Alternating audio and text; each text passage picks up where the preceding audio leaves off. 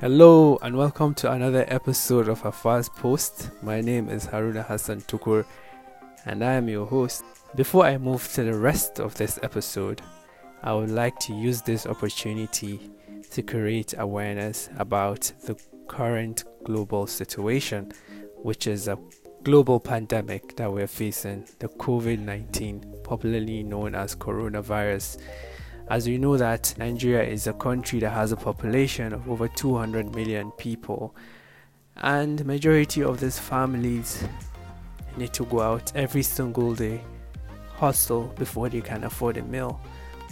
But because of the rising number of people contacting the coronavirus the federal government is shutting down a certain number of states on a total lockdown. That means that these families can no longer go out and afford food to eat. So we also need to join our hands together, help the federal government, and help humanity at large and reach out to these people. That is why our organization, Angels of Hope Foundation, we have taken it upon ourselves to look for donations so that we can be able to buy food and give it to these families who are in need so that they can be able to self isolate without hunger. If you want to make a donation, please do reach out to us on our social media pages, Angels of Hope Foundation. We're on Instagram, Facebook, Twitter, and also our website is www.angelsofhopefoundation.org. I also hope that you are also taking care of your personal hygiene and taking lots of vitamins so that you can boost your immune system to fight this virus and I am very optimistic that we get out of this very strong. Welcome back to Hafaz Post. Um, together with me here today is Mariam Bukar Hassan, popularly known as Alhan. Alhan is a poet. Uh, she does spoken words. She's an entrepreneur and also a humanitarian worker now, uh, with her new position as the DG of Juremi Foundation. Um, Alhan is a mother, a wife, and a very loving friend. Uh, her story really stands out because she really did open up in this episode. I've never, I, I heard things about Alhan that I didn't know before till in this episode she really opened up of how her childhood was, um, how she was um, before she even got married to her current husband, she was declined by three families just because her mother was an actress. She talked about her relationship with her mom, her relationship with her dad. It really got really deep and personal. So, without saying much, I will let you enjoy the rest of the episode.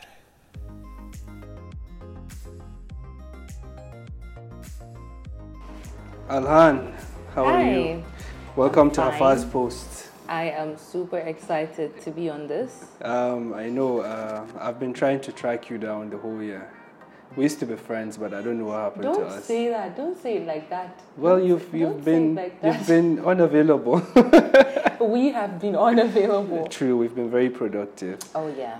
Yeah. So um, the reason why I have you on this podcast today is because of your story, and I believe it's going to help a lot of not only young people but especially women.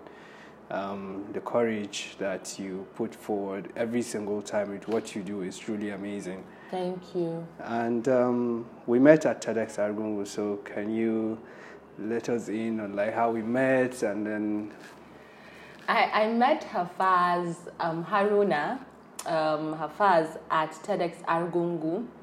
And the first time I saw him, I'm like, ooh, who's that really cute, nice person?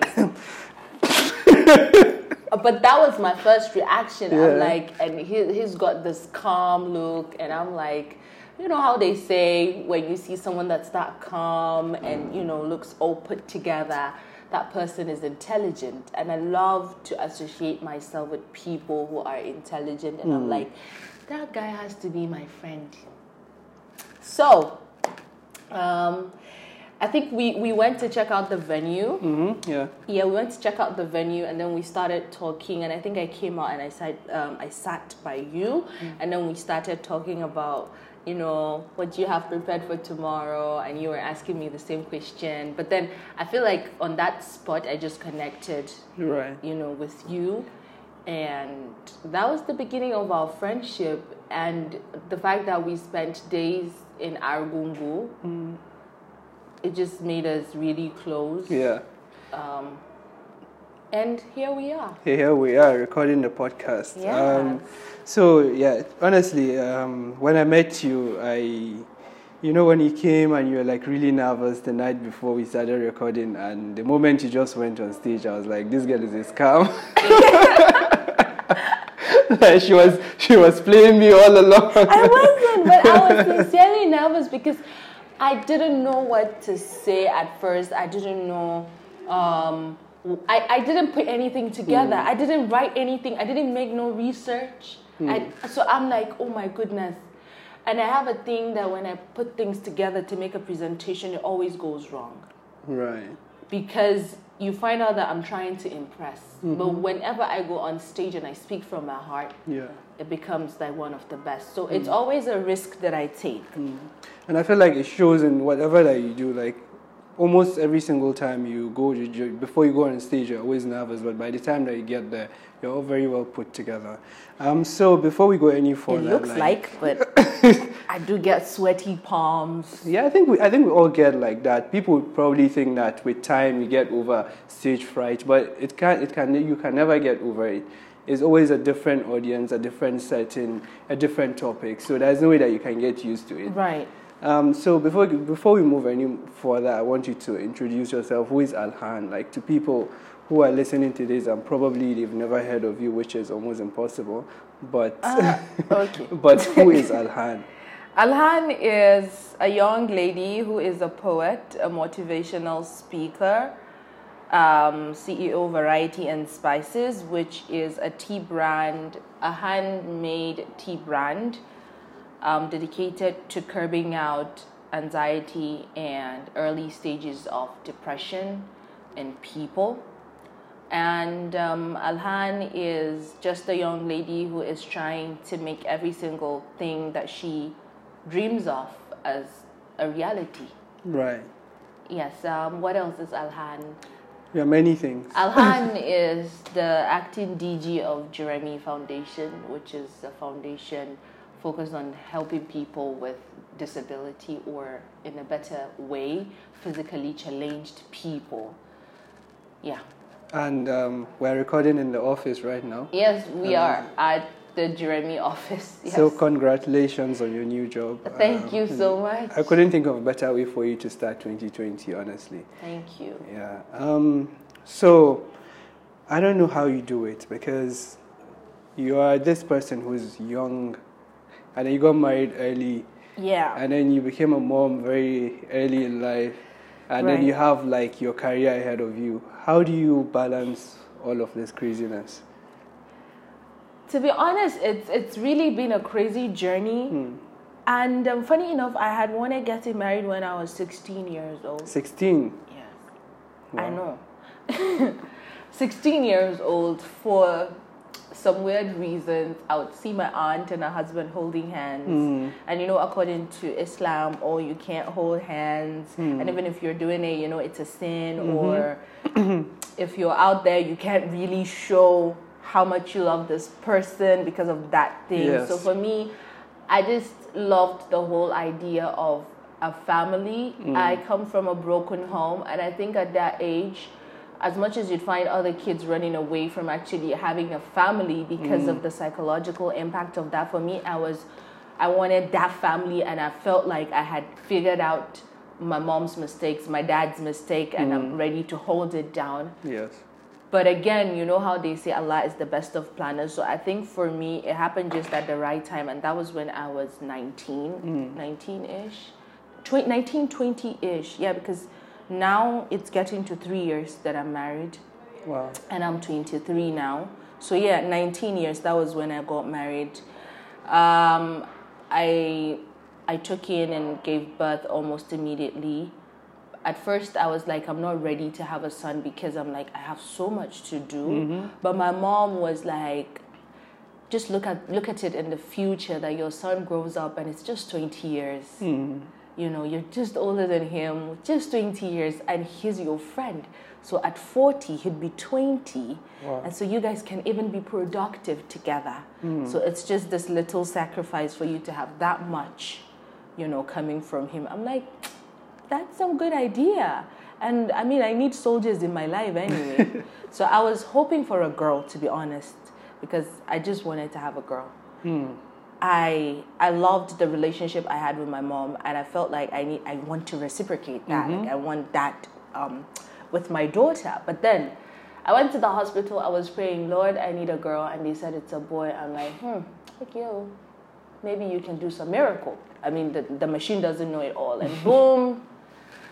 Ramadan came. Now it's been challenging in the sense that sometimes you want to go out, but then you don't want to go out with your son, or you want to do this. You've, you've got a son, but again, I always see him as a blessing, so I don't let that hold me back. And I would like to say a big thank you to my husband and my aunt, um, which every time they are there to hold me down. So this doesn't look like a challenge; it rather just looks blissful. Yeah. But in reality, it is a challenge that you have to deal with if you do not have someone who's willing to hold that part of your life down Right. for you. So that is how I've been managing. Um, but you know, recently my aunt went back to uh, Kaduna, and then I would wake up in the morning. I have to take care of my son. Um, I don't sleep early, and I make the tea myself. So by two a.m., um, I make tea to four a.m. and then I get to sleep.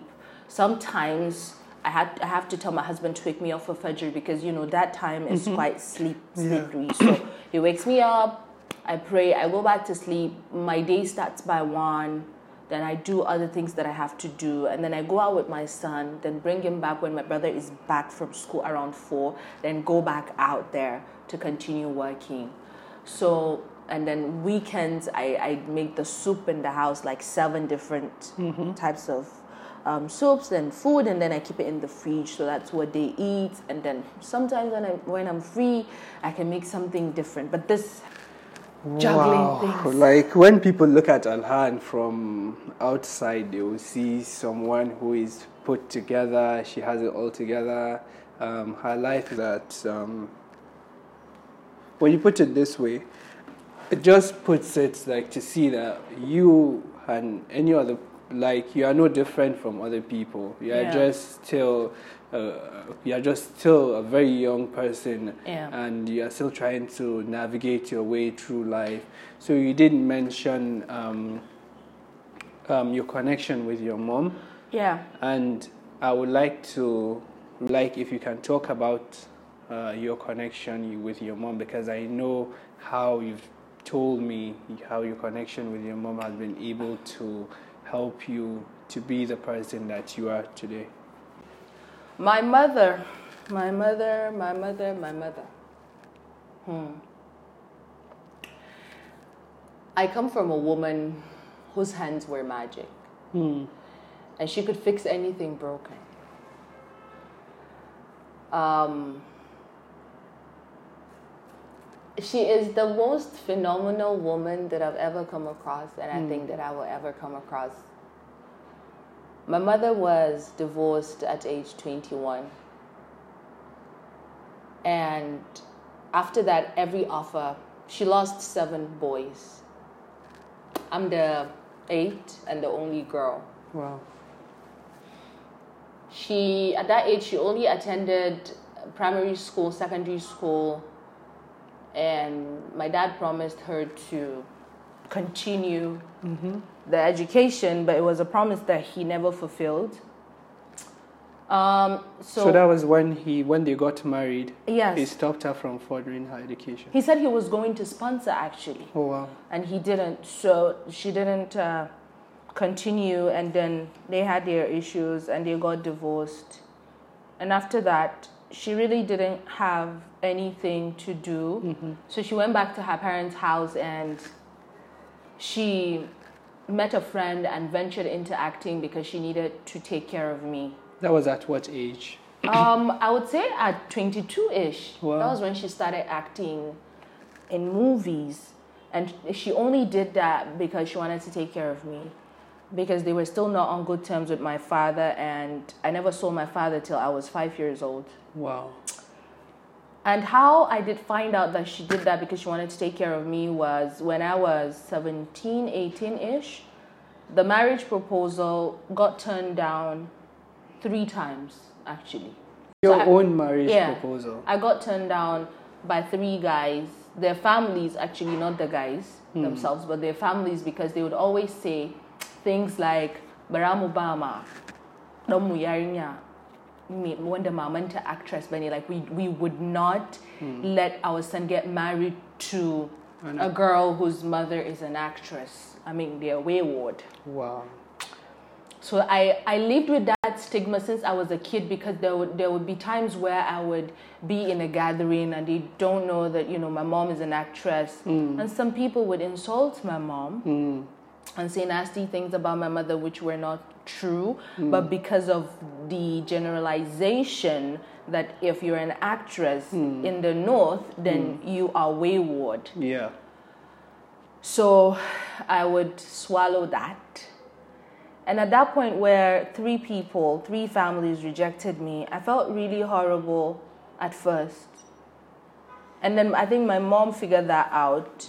And then her best friend was telling me that your mother only ventured into acting because she wanted to take care of you. Hmm. And she came to her best friend and she was crying that she thinks she has offended me by becoming an actress because now it's affecting my life. And she she didn't ever envision that to happen. Hmm. And she wants she wants me to forgive her. And I think it was at that point in time that I realized the sacrifice that this woman has made in her life hmm.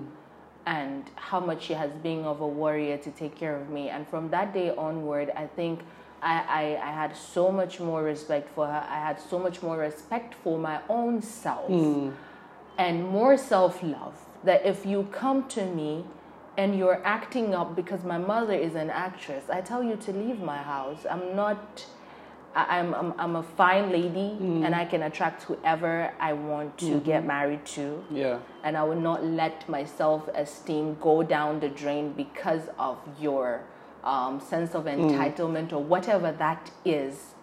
So that was how I finally got married. But you know, more emphasis on my mother and me. My mother was the one who mentored me actually.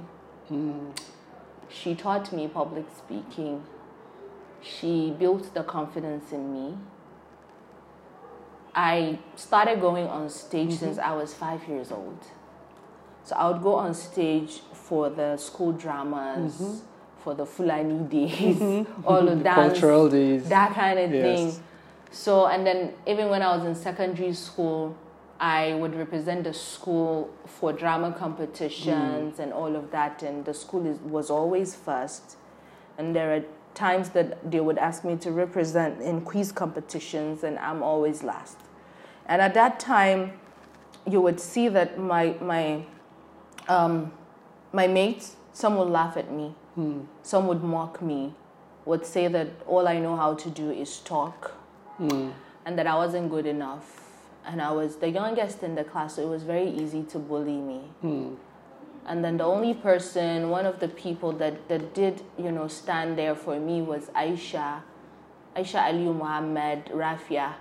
She was the social prefect when we got to SS3, and she would always, you know, harass anybody who would bully me. And then um, Fatima Aliu Baba, Mariam Adamu. So those ones, you know, they, they were really there for me.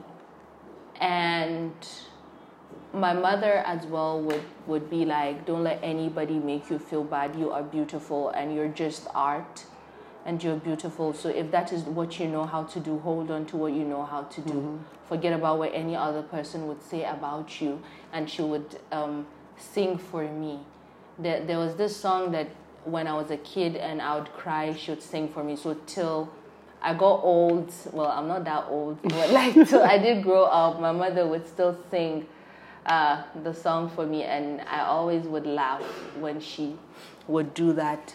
So I was really close to her. And even when I said, okay, I want to become a poet, she said, sure. There was nothing that I would tell her that she would say, no, don't, hmm. don't be. She has always been She supportive. Support hundred percent. I can remember when she gave me five hundred thousand naira capital when I said I wanted to, to start tailoring.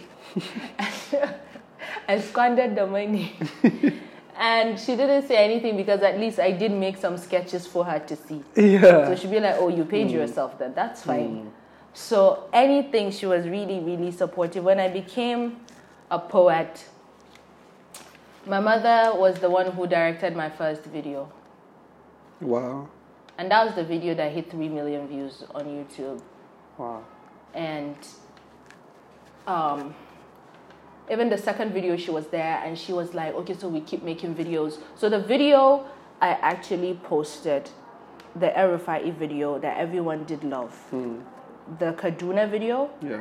after I wrote the after I wrote the poem, she actually told me exactly how it should be shot. And when she passed away, I made sure it was shot according to her script. So that was my mother's script. Wow. And my mother, I would start writing a poem, and you would see she would be like, "Oh, um, um, she would add some lines like the Laboyari one that people liked." Yeah. I'm like, "Ma, do you think I should put in Hausa because I feel like um, Hausa." There, there might not be Hausa audience, and she's like, "That's what would make you different because you're Yeah. able to fuse that in." So I'm like, "Have you heard of our very own Laboyari?" have you heard of our very own Laboyari? And she was like, ah, to zauna ka ji labari. And we were in her office, we were dancing. I was like, ah, danga ilimi ya zama. It was just, Fun. it was just a play. I wasn't even serious. It's like, rubuta, rubuta. So I wrote it down. So that was how she, she engaged in my creative process. Right. Most of my poems that people loved was co-written by my mother Wow. was co-written by my mother. She set up my first office. She was supportive in terms of Dean at Heart. There were times that I would feel like I don't want to do this. Even the time that I told her I wanted to record an album. Just tell my mother this is what you want to do. She'll give you the funds and mm. coach you to do it. I told her I wanted to record the album. She said, get me 13 poems. Wow. I wrote it. My mom will come to my door 8 a.m. wake me up. She knows I don't like waking up early Yes. wake me up. I'd be like, but I haven't eaten. She's like, let's go. That's what you get for waking up early. Um, for not waking up early. Mm. So sometimes I will not bath. I won't take my bath, and then she'll Just just, drag you out of the drag me house. out to go to the studio. She'll lock me inside the studio, and I would be crying that I want to eat. And she said, when you're done, you'd eat. Wow. And I would finish that Oh, and wow. then she would go get me food. And sometimes, if I'm really hungry, she would just open the door, pass the food, lock the door. She says, "I give you ten minutes," and she'd sit down like this in front of the computer and things, and she's looking at me inside the studio. She's like, "I'm not getting the emotions. God, I need the emotions." I'm like, "I'm trying." And sometimes I'd cry, and she'd just be like, "They should let me. They should let me be." So she she really did groom me. Oh yeah. Yeah. And and you know, I'm only sad because she's not here to see the conviction and the confidence that she has put in here. yeah. She would always be at my performances. Every single time. And when I tell her I have stage fright, she'd be like, when you get on stage, look at me.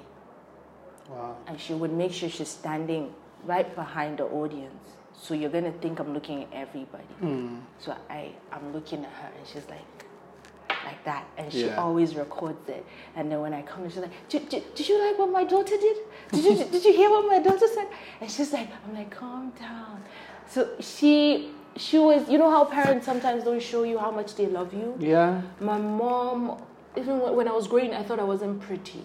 Mm. I thought me having so much hair here, because at that time I mm. would scrape it. Yeah. I thought I was looking like a monkey and all of that. And then she told me, You're beautiful. I love you. You're beautiful. I love you. And this is not something you find, you know, with the northern parents. Parents, yeah. So she would always do that. And so it built my self esteem. You can't come and tell me I'm not like, who are you? Hmm. Yeah. My mother said it's already in there. It's it's, been it's installed already in in you. there. I mean, uh, But she, she couldn't make it to the last performance. yeah. She was sick. That was the only performance she couldn't make it. And when I, I was nine months pregnant already, Mm. so I was on the stage and I was just trying to look there and I could see her still standing and I did my performance and I ran home and you know she was there, she couldn't walk. And she's like, Baby Mawanta, can you do the poem that you did there? I'm sorry I couldn't make it. I said, Okay. Then I started and she said one thing that till today I hold on to. She said, Girl, the sky is your starting point. Don't let anybody tell you otherwise. Mm. And that was the last conversation that I had with my mother about my career. And then she became really sick, really sick, and um, she was moved to the hospital in Abuja. And I can remember that day I was supposed to go for my CDS, and I had some presentation. And I was like, nobody is at the hospital, so I need to stay with her. And she yelled to a point that her- the neighboring rooms, you know, the patients and the Yeah. pe- heard. She was like, "Kitafineche ina wasadeke. Even if I die, don't let anything stop you. Wow. And I was, I can remember I was trying to come back close to her. She was like, Inki kazona inki. Like, don't come close to me. Go do it and come back. And I had to leave. So even when she was about to die, she made it clear. Mm. Like, don't let anything stop you. So she is, she has, she was very selfless, and it was just about me. Mm. Her entire life has been about me, to be honest with you. It was never about her. Mm. Never. Uh, I'm getting emotional. yeah. Um, so sorry. Nah, it's it's fine. I can remember when I saw that you know before she bought her house, her our things. I was coming back from school. I was six, and they were flinging our stuff outside because she couldn't afford the rent at that time. Mm. And I was I, I think this this this till date is like the most hurtful Mm. picture of her. She was kneeling down, begging them. They were flinging our things outside, and I was coming. And she looked at me and she broke down. Yeah, because she didn't want to disappoint you. Yeah. But you know, years later, she bought her own house. But till date, when I just look back, because all I all I ever wanted was you know make it, get my mom a house, take care of my mom. Like she had her house, but it's a thing of pride for you as a daughter or a son to be able to do something bigger for your parents. Yeah. And I, I just felt like I didn't get that opportunity. And she, she was the only person that was really there for me. Um, I'm always the third wheel, but uh, I, was al- I was always the first to come. So, yeah. Wow. Really got really personal there and you Yeah. got me emotional. um, well, I mean, after all this strong connection that you've had with your mom, like the amount of hustle that she's been able to build in you, she's been able to get you to see yourself as a person who is worthy of whatever it is that you can put your mind to, despite the fact that you've been rejected by three families just because of your mom is an actress, and then you've been bullied in school because of you not being smart in, in ways that we can we see it academically, which is not the reality right now.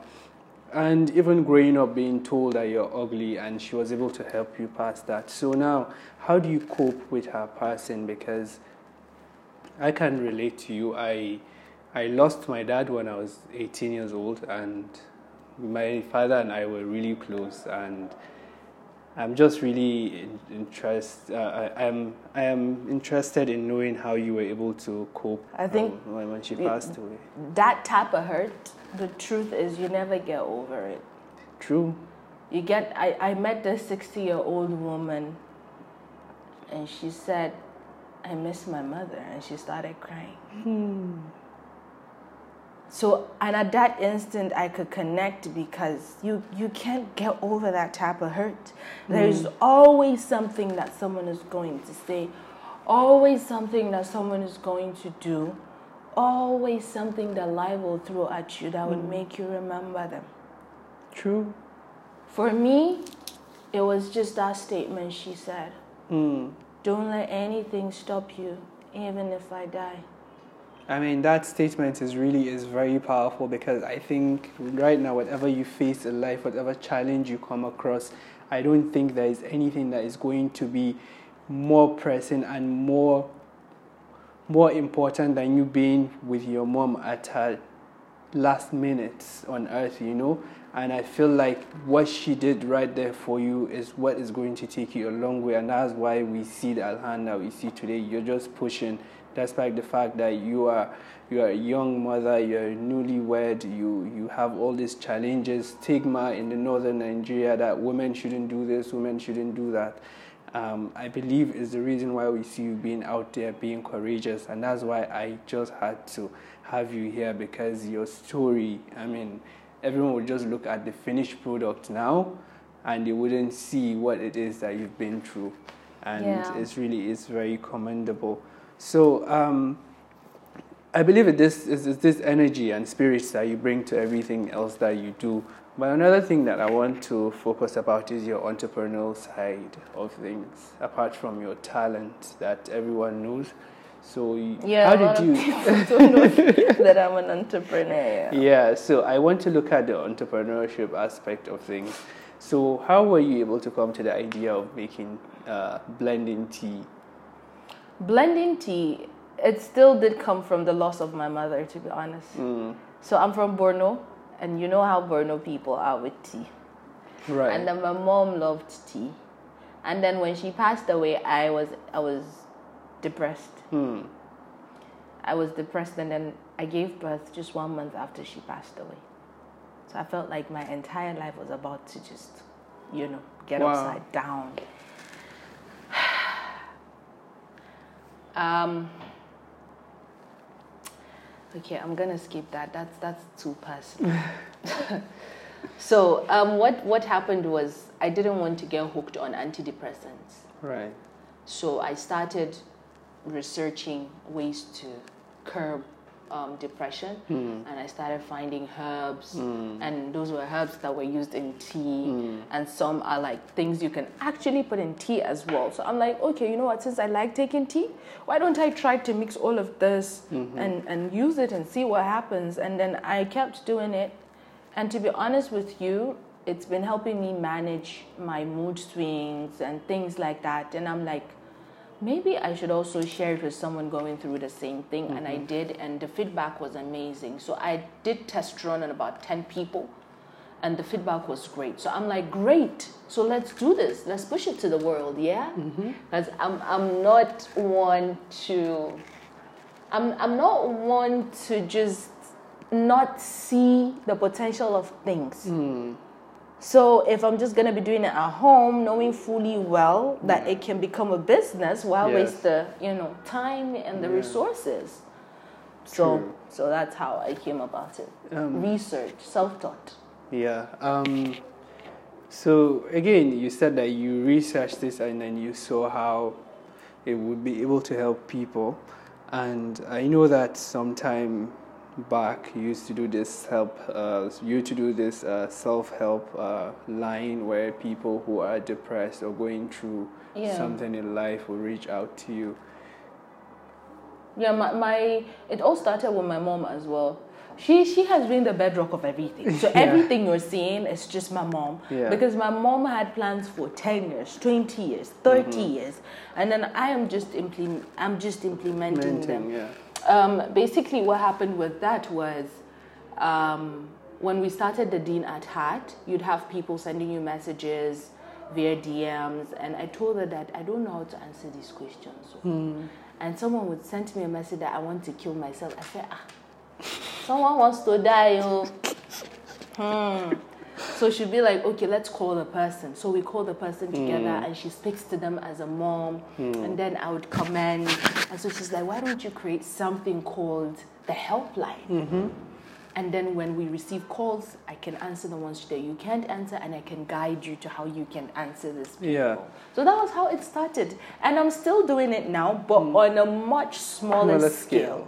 scale. so right now my focus is on teenagers because I do Yeah. go to schools for motivational um, sessions with Mm. the kids. So people, sometimes I pick people that I can see that they're not okay Mm. and then give them a free session. And sometimes parents reach out to me Yeah. to actually talk to their teens. So I had to narrow it down to teenagers. Yeah. So um, that's something as well that you've taken like a business because I know you go to some schools and then you offer this um, this type of help to, to young people and that is another side of you that people really Don't don't, know. know. so I, I, I do partnerships with schools and you know the payment is per hour so what i do basically is coaching on public speaking spoken Right. word performance and um, sense of purpose definition Yeah. so that's that's those are the things that i um, work on with kids and these kids are in primary schools and sometimes i also do it with secondary school for now i'm working with noble hall academy and farmer islamic School. school yes Yeah. Um, so on your new career right now, so this is another there's another place where it's just very new for you, but um, I believe is is actually a very good fit for you, which is um, the position that you're holding as well. It's it's a quite a big one here. So how do you intend to take this organization to the next level? um, let's say in the next coming 10 years let's align it with in the spirit of a Mama. the spirit of, of the decade. of the decade of a new decade uh, well what is this organization what is it that you do and how do you think you can take it to the next level and reach out to the society Um, the this foundation, this organization, Jeremy Foundation, is a foundation focused on helping people who are physically challenged. And now we're trying to spread our tentacles to also touching on mental health. right And what I want to do, what I want to bring on board that's new, is the moral reengineering of children. Because if we're talking about the stigma of people who are physically challenged, it's it's the kids that grow up to be adults that do not have that sense of um, I don't know how to put it exactly, but people who don't have that um, that right sense of I don't want to say humanity, but again, it keys into that Yes. that actually you know have the stigma going on. So what I intend to do is go to schools, establish clubs in schools, and the, the, the focus is going to be um, in partnership with the SDGs yeah in such a way that we integrate the SDGs into, Into these clubs so that they understand their society, their Mm-hmm. environment, and some of the stigmas can go away. Yeah. So that is what Jeremy um, is going to be doing. It is very good that you start to um, impose or let's say expose children to empathy as a, at a very young age because the, the world that we live in today is very hostile and people don't ha- most people you see they don't really have this type of orientation to to help. But i feel like with certain organizations like this that are coming along people are being made aware what is actually going on and how they can help. And i feel like um, we're making progress. So in terms of aligning this uh, sdgs to to what you your job is here what kind of special projects or kind what what do you think you you want to do here that will be able to help uh, our society? Um, just like I said, the clubs, but then the second thing is skill acquisition. Right. Um, we, we already have a skill acquisition center, but um, it's limited to, it was limited to just tailoring music and ICT. But like me coming right now, I feel like there's so much in terms of vocational skills that Right. can be taught mm-hmm. that would help because you find some of these guys on the street, mm-hmm. they are good with handwork, Right. but they're not just mentally stable to mm-hmm. focus on taking things to an extra professional level, Level, in terms yes. of ICT, in terms of data. But what is what what is it that we can actually get them to implement as soon as possible? Right. So I'm looking at bringing in three to four uh, different vocational trainers Hmm. to come um, help them, you know, find themselves. Yeah. So that's another part of it. Uh, the other part of it is empowerment. Hmm. So the the tailoring uh, aspect, instead of just getting these guys to learn tailoring. You need to also help them. It's not just about acquiring the skill, but they Yeah. need a starter pack. If not, they will still go back to the street to beg Yes. and then, you know, they might just be like, okay, so they say they're coming to help us, but they're not setting us up. Mm-hmm, So, what type of help is that? Now, it might sound like, oh, they have a sense of entitlement uh, mentality, but that's Mm-hmm. Mentality. Mm. just the reality. You want to help, just help holistically. Right. So, that's what we are also bringing to the table. All right, that that's that's great, and I feel like you seemed to, as we were talking earlier, you were a bit nervous about the uh, about your position here, but I Yes. feel like with what you do already, you heal people with your words. You, I mean, spoken words have a way of getting people into different emotions, and I feel like you're going to do a very good job here, and knowing you like you've always liked to help people. Like i mean even at a younger age you were helping people who want to commit suicide. You, you you were just all about that. And i feel like this is a right place for you to be at this point in time. And with all the publicity that you have right now i mean giving back to the community is is really is essential. And getting people to get involved as well and to come on board to help in terms of monetary donations or volunteering for projects and I feel it's a very good fit for you. So um, I want to go more into other topics like marriage. You know, um, northern Nigeria now we have we have a lot of stories that are coming out. I mean, we have more sad stories than uh, Happy love stories that we see. And every single time you go on the northern blogs, you see one sad story after the other.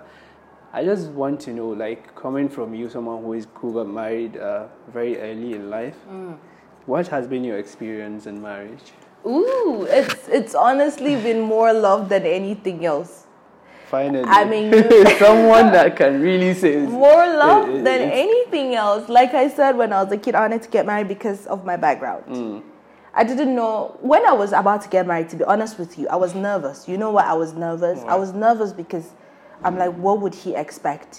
Hmm. Because I've never really seen my mother and father, you know, in that typical home setting. Right. So I don't I don't have I'm not your typical northern girl, mm. you know. I don't have that homey feel of mm. yo you need to this that that this that time this that mm-hmm. time that kind of thing. Mine with my mom was just wherever you are comfy Maghrib at, at home. yes. You know, so it wasn't more like, oh, your dad is coming, oh, you need mm. to make food, or this is this one is coming, oh. So it would differ, you know, the orientation. Yeah. So I was like, wow, what would this guy expect? So he'd be expecting me to cook daily. Hmm. He'd be expecting me to wash his clothes. Hmm. Uh, what else? Like, okay, I'm supposed to be able to be diplomatic enough to live with my in-laws. And I started just thinking like, hmm. but the only thing that my mother just said to me before I got married, she said, arm yourself with so much love because I was confused. Like, how do I go? She just said, arm yourself with so much love. Just love him. Love him unconditionally. Then I was like, wait, unconditionally. Hmm. So when he does something wrong that I feel like leaving, she's like, no, unconditionally, in the sense that you don't also forget to love yourself unconditionally. Yeah. But then whatever you do, be calculative. Hmm. So that's it. So when I when I went in there, I'm like, okay, arm yourself with love. Okay. I'm here on my knee. Okay. I'm like, okay, love, Love. Cupid pop, Cupid pop. oh my god. And to be honest with you, and I, the, the first time, you know, we were like really together as a hmm. couple, all I could see was some sweet, loving, soft man. Hmm. You know what I mean? Like, Bahasan Rigima. Hmm. It's, it's, it's more like, whatever will please you, please. Yes. Like, no. But another thing is, the love as well that he did show me hmm. was really amazing. So for me, it's it's really it's not been rosy all the time. But if there's one thing I admire about our relationship is, no matter what happens, you hardly hear it out there. You know, Right. we, we keep it. And we just don't keep it for keeping sake, Sake, mm. but we actually tackle the problem. I attack him when i need to attack him but i attack him in my own type of way. I know who he is. I know the things that that you know would throw him off. I know when to push him a bit to get what i want. I know when to get him to apologize. So those type of arming. Yeah. so that. And then on my side even the, the only thing i know that has been also key in our marriage is don't go to bed angry at someone. That's it. Mm. No matter what, just don't go to bed angry at each other. And just keep our children away from whatever mess it is. Yeah. But at the same time, not forgetting to educate them that mm. bad times will come mm. as well. Right. You know, and even if I feel like if even if a time will come that maybe something happens that one of us would have to go, we would separate from each other. We would do that on respect Right. we would It's be really very important. respectful It's to very each other and that's one thing i adore about my Well, relationship Let's hope it does him not come to that. yeah. Um, so um, you have a husband who is coming from northern Nigeria, Hmm. and then your mom also had this. Um, there is always this stigma going around, like a woman who is in the public eye, who is Yeah. doing this, who is doing that. Now you have a husband, you are married. After three times of trying, you finally gotten someone whose family have accepted you. So how has it been for you guys? Like it, it blows my mind every single time when I see your husband at almost every single event that I go. He's always there cheering you on, supporting you. Is it is it something that you had like an agreement before you got married, or he was just supportive from the start? Did you get like a lot of like his family saying different things that oh no, we should take control of your wife and stuff like this? for me my in-laws are so sweet to be honest um, my father-in-law first of all is super proud of me Wow. I mean, I could say he's even more proud than my dad. Because Wow. anytime my father-in-law sees me, like, baby, now, and he goes, he tells his friend, "Do you, did you see what she did? Did you see? Have you watched her videos? She's this, she's that," and I'm like, wow. so with with my husband, to be honest with you, he has been supportive from day one, and that's the reason why I even got married to him because the first time he saw me, we got to know each other and I told him about my story. He said, I put this in my poem. I mean, my poem, my muse. Yeah. In the poem where I said, he said, um, You need a man who can keep his sanity to hmm. support you being there showing humanity. Those words were his. And I'm like, Are you trying to be a poet or something? Like, yo, don't try to get in my heart like that. And but those were his words, and I think that was what made me be hmm. like, This is who I've been waiting for and then we hmm. got married and my husband you can't just come tell him shit like you can't come say anything bad about me if you come to my husband i tell my husband that because of what i'm doing i'm going to end up being this this or i'm going to end up you know some vile thing about me that's it you guys will not talk again You're very lucky. You're blessed. I am. You are blessed. Am. So you can't no, you can't come say anything stupid about me.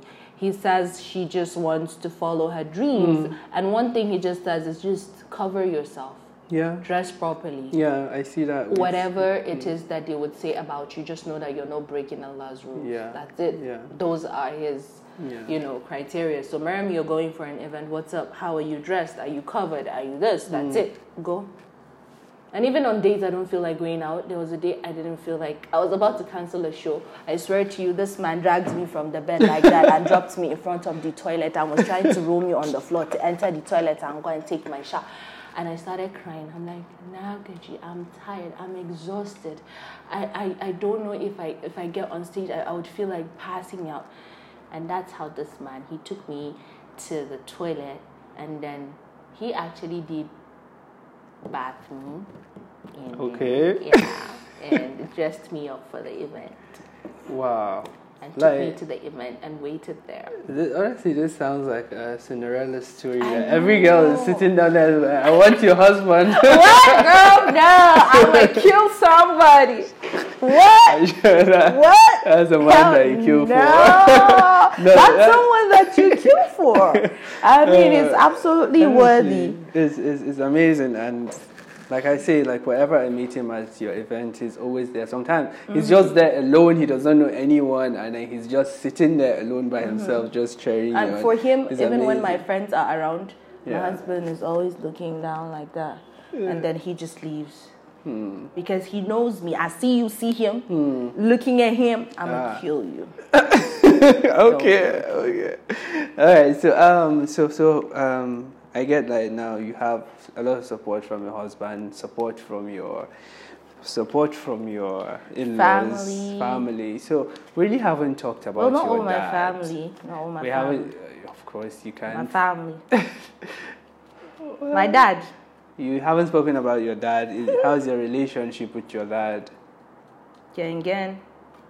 My dad.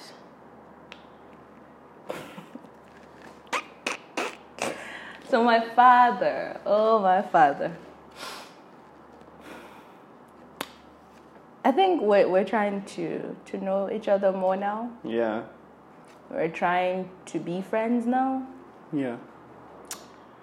So this um, reconnection that you had with your father, and you're trying to reconnect, is it? Does it have anything to do with you being a mother now?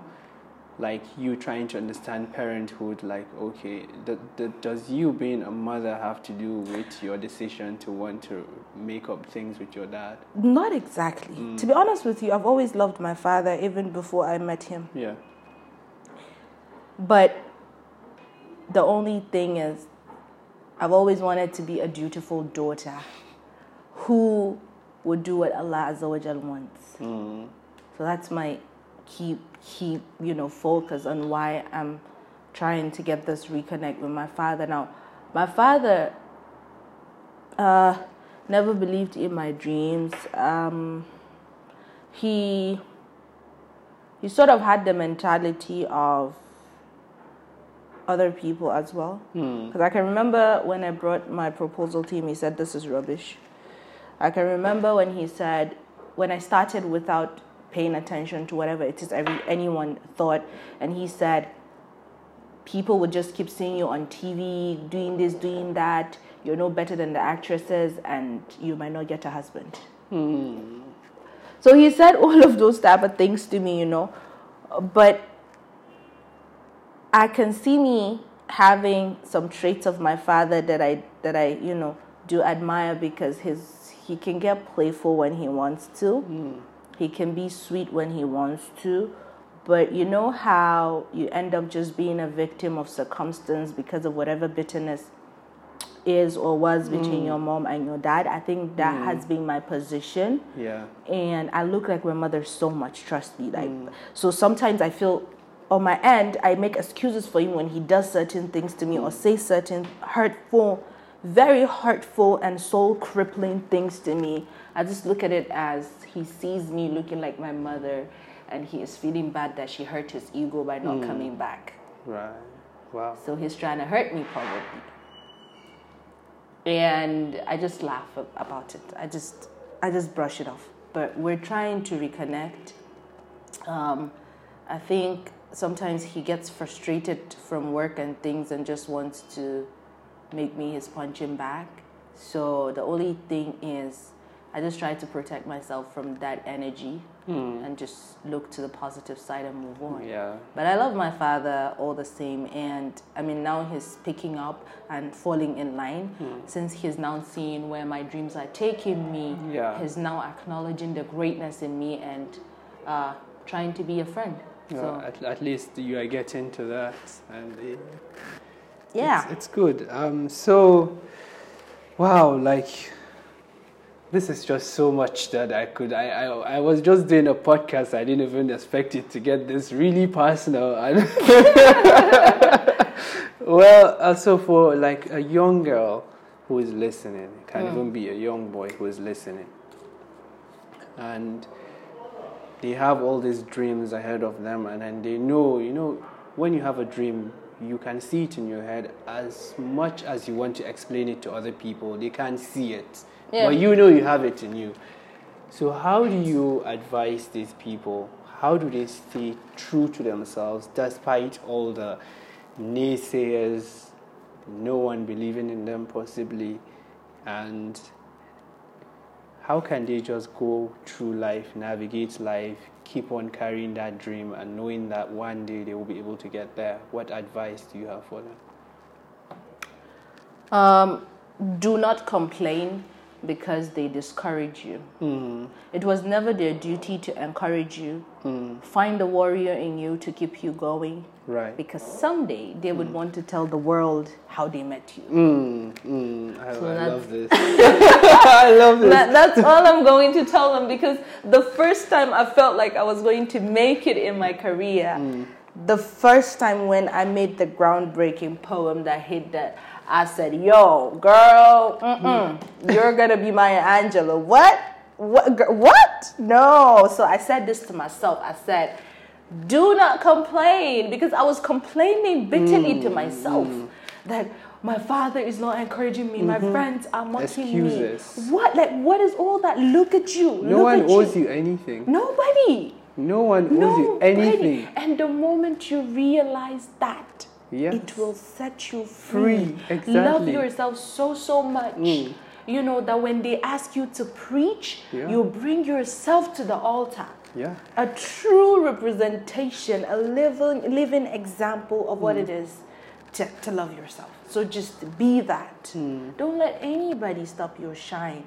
These things are normal. How you think you think if you you go you think you'll make it to a panel if all the story you have for us is you know everybody loved me, everybody, Mm-hmm. Everybody encouraged was me. encouraged. So it's so a rite of what- what- passage. you know? What's that? It's a rite of passage. It's, it's, it's, it's when you become. That's why I keep on telling people like when you become something good in life, everyone will like to claim you, and they would like to say, "I was there. I Those know that him." even did mock me in secondary school are like, Alhan, kin zama babban mutum kin share mu. I'm like, yeah, like yes, yes.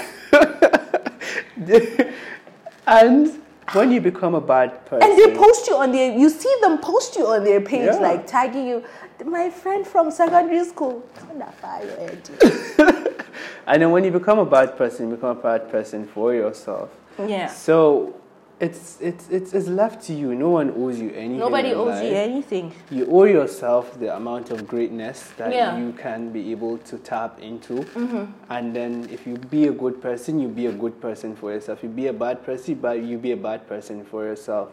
So uh, it's actually it's very true what you said. Like no one is going to hold your hand. No one is going to. You know in deep down in yourself what you want to achieve, and it's not going to have happen overnight. Like when did you start? Like five, and then now because people are seeing Alhan now on all the biggest stages, they will think that oh, it just started last year. Uh, it took 10 years. Exactly. 10 good years since I was 13. That was when I started work, you know, on, on So this is ten good years of bad days. I didn't even know people what I was mocking, doing. Going through the, the, the, the, studio sessions And where you're- you're being locked up when you're And when hungry. did I really start making waves? Just when I was 17. That's what, just four years Some ago. some people so. don't even see any progress till they're till they're into it like twenty, 20 years. years. Like- so it's not just like yesterday I picked up a pen and I started writing and boom, I'm making it to the stage. Right. No. no, no, no. You have to be intentional about your gifts. And then you have to stay true to them. You have to stay really true to your dreams. Like you cannot let anything divert you in No. another direction No. because a lot of opportunities will come. and Will then- come. Yeah, they'll come and they'll try to distract you, and Yeah. you just have to keep your head straight and and know. Ah, so this interview, honestly, I don't even want it to end because we're getting a lot of good content. and- okay, um, so final question that I would like to ask you, and I feel like I still have like one thousand more questions I would hmm. like to ask you, and what advice do you have for someone who is wanting to start up a business? So now we've done the aspect of life where you don't have much courage to go after your dreams, but now you've had that courage and you're on this journey and you've had your self actualization. So, what, ad- what three advice do you give for someone who is on, on a journey, who is hustling, who is doing everything right? Okay, for the for your entrepreneurship, right? Yeah. First thing is align your purpose to whatever entrepreneurship you're doing. Hmm. I, I feel like some people jump into certain industries to start up an entrepreneurship business based on how successful other people are in the field. Mm-hmm. So you end up being scared to start up something differently that maybe your mind has been telling you mm-hmm. because you just want to start safe. Mm. But start risky. Mm. Start risky. That's my first um, advice in the sense because once it becomes everything that everyone is doing, mm. then you don't you, you you you don't exactly not that you don't stand a chance of blowing But you don't stand out. you don't stand out exactly but once it's something that your mind has been telling you to do that is an uncharted water mm-hmm. dive into it. Nobody is swimming there. Mm-hmm. So you you you'd already you know hold on to all those people pa, pa, pa. but and again if you are diving into um, a charted water hmm. then look for the loopholes. Those aspects that people aren't looking at. Hmm. Pe- a lot of people are diving into fashion design Right. because everyone is designing clothes. Mm-hmm. What I would advise is go into be becoming a, con- a tailor consultant. People mm. are struggling with that. Someone has to rely on Nasiri Medinki to mm-hmm. bring him a tailor. So why don't you start a proper, just like a modeling agency? Yeah. So why don't you start a proper tailoring agency That's- with proper ac- Yeah, accountability? This, this, this is a business idea right here. Like, we own the rights to this business. If we see you starting it, we're coming after you. Right.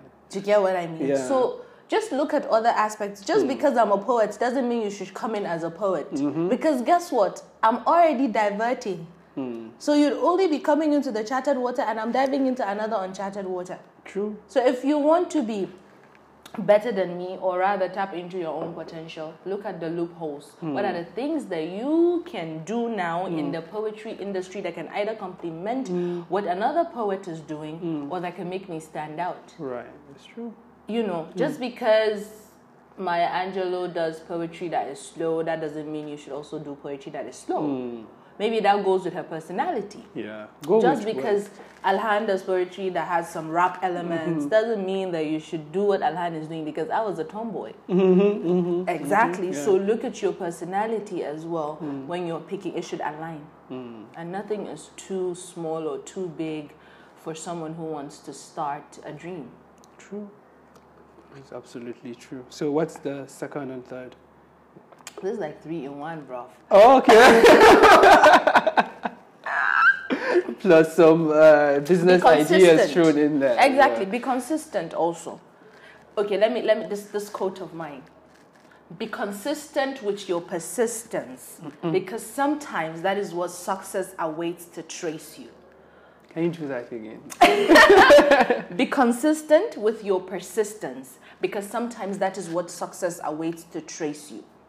That also I wrote to myself when I was 17.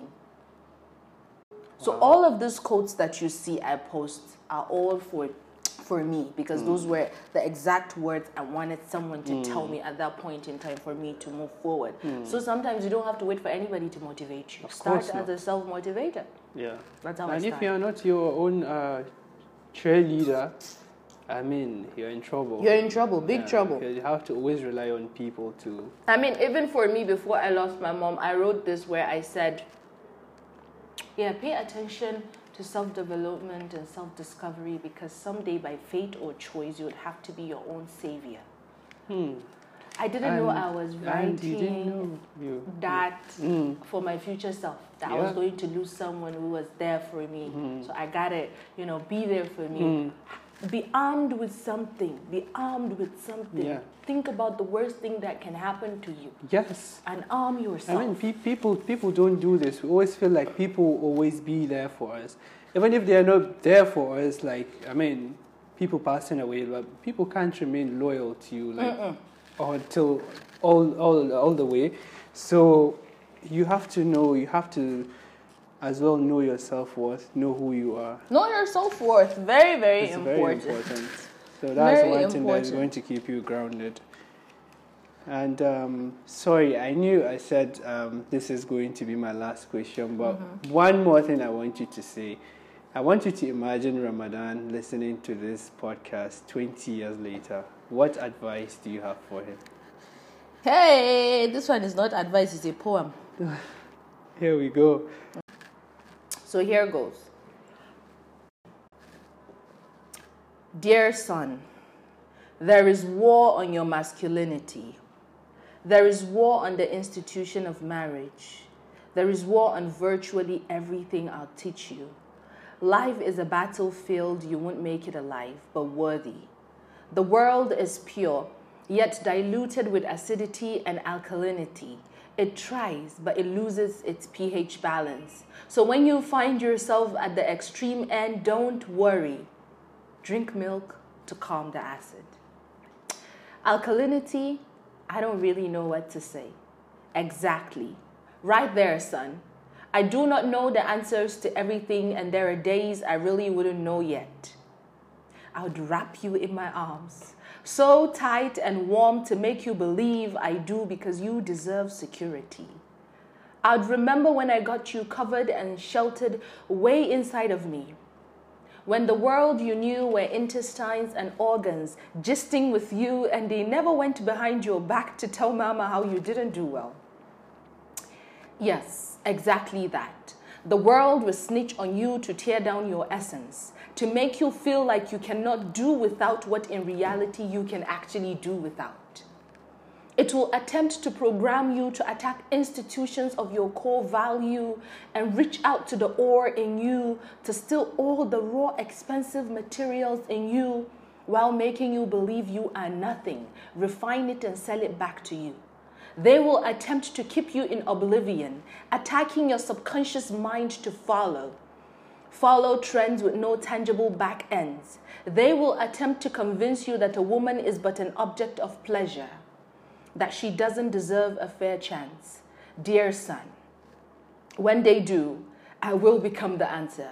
For you will have to remember how your mother isn't merely an instrument of pleasure, how she is a force to reckon with, a partner, a homemaker, a trailblazer, how she aspires for greatness, how she is a friend worthy of love and respect. Dear son, you will be told that men don't cry. If not, you will read it so. So, dear son, remember beyond being a man, you are human, and God created emotions for a reason. And the eye, not just for sight, but an outlet. Dear son, cry when you need to. Don't hold back on your emotions. Don't hold back on expressions. Don't hold back on love. Dear son, seek God in all you do.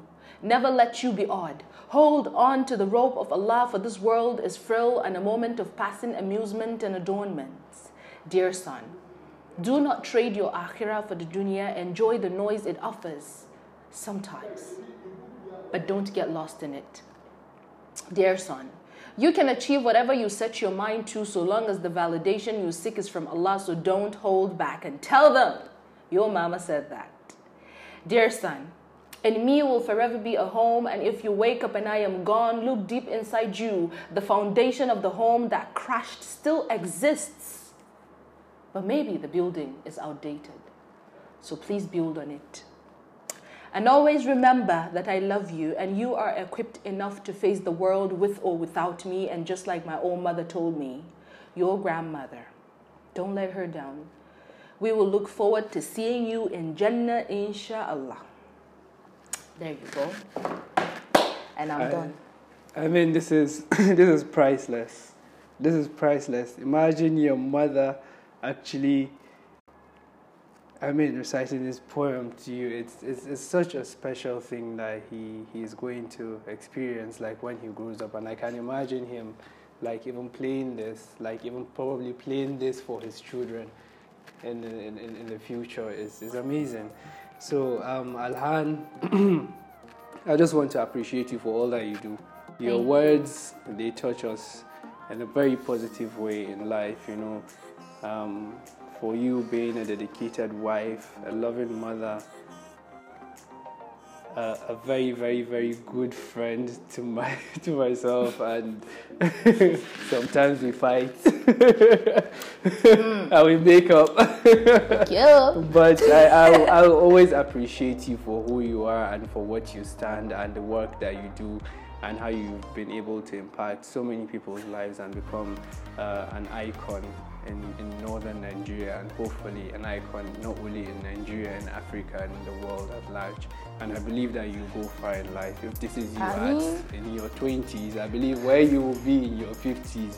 So thank you so much for coming over. Thank you so much for sharing your story, for not holding back, for sharing this beautiful poem with us. I'm very like I didn't even know you had this poem like with you. I was I just wanted to ask and just right there. We, Thank we you for asking me. another- uh, Maybe he would hear this from you when he grows up. Uncle Hafaz, Oh. come on play a recording in mommy. Ah, oh my God! I hope I hope we live long enough to see our children and our grandchildren. Amin, amin. So thank you so much for coming on.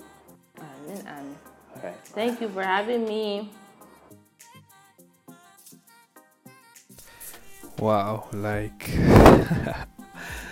wow, just wow. I mean, I'm out of words for this episode to be honest. Um, I can't imagine someone that has been through a lot and has been able to give a lot back to people as well to look at all the adversity and to turn it into love and kindness um, Alhan is a very special uh, person, and um, she is actually one person that continues to inspire me uh, throughout my journey. And um, there are various ways that you can connect with Alhan on her social media pages. Um, on Instagram, on Twitter, and on Facebook, you will be able to find her there. And um, if you are listening to Hafaz Post for the first time, I would like to say welcome and congratulations for making it to the end of the first episode.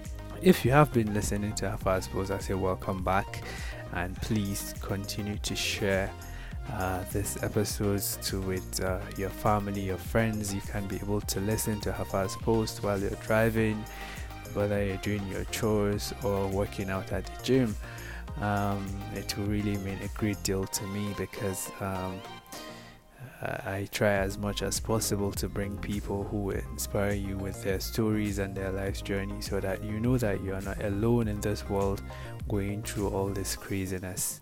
So, till next time, be safe. Um, with the whole coronavirus that is going on in the world, please do make sure that you are taking care of yourself, washing your hands um, taking your vitamins, and um, take care and God bless.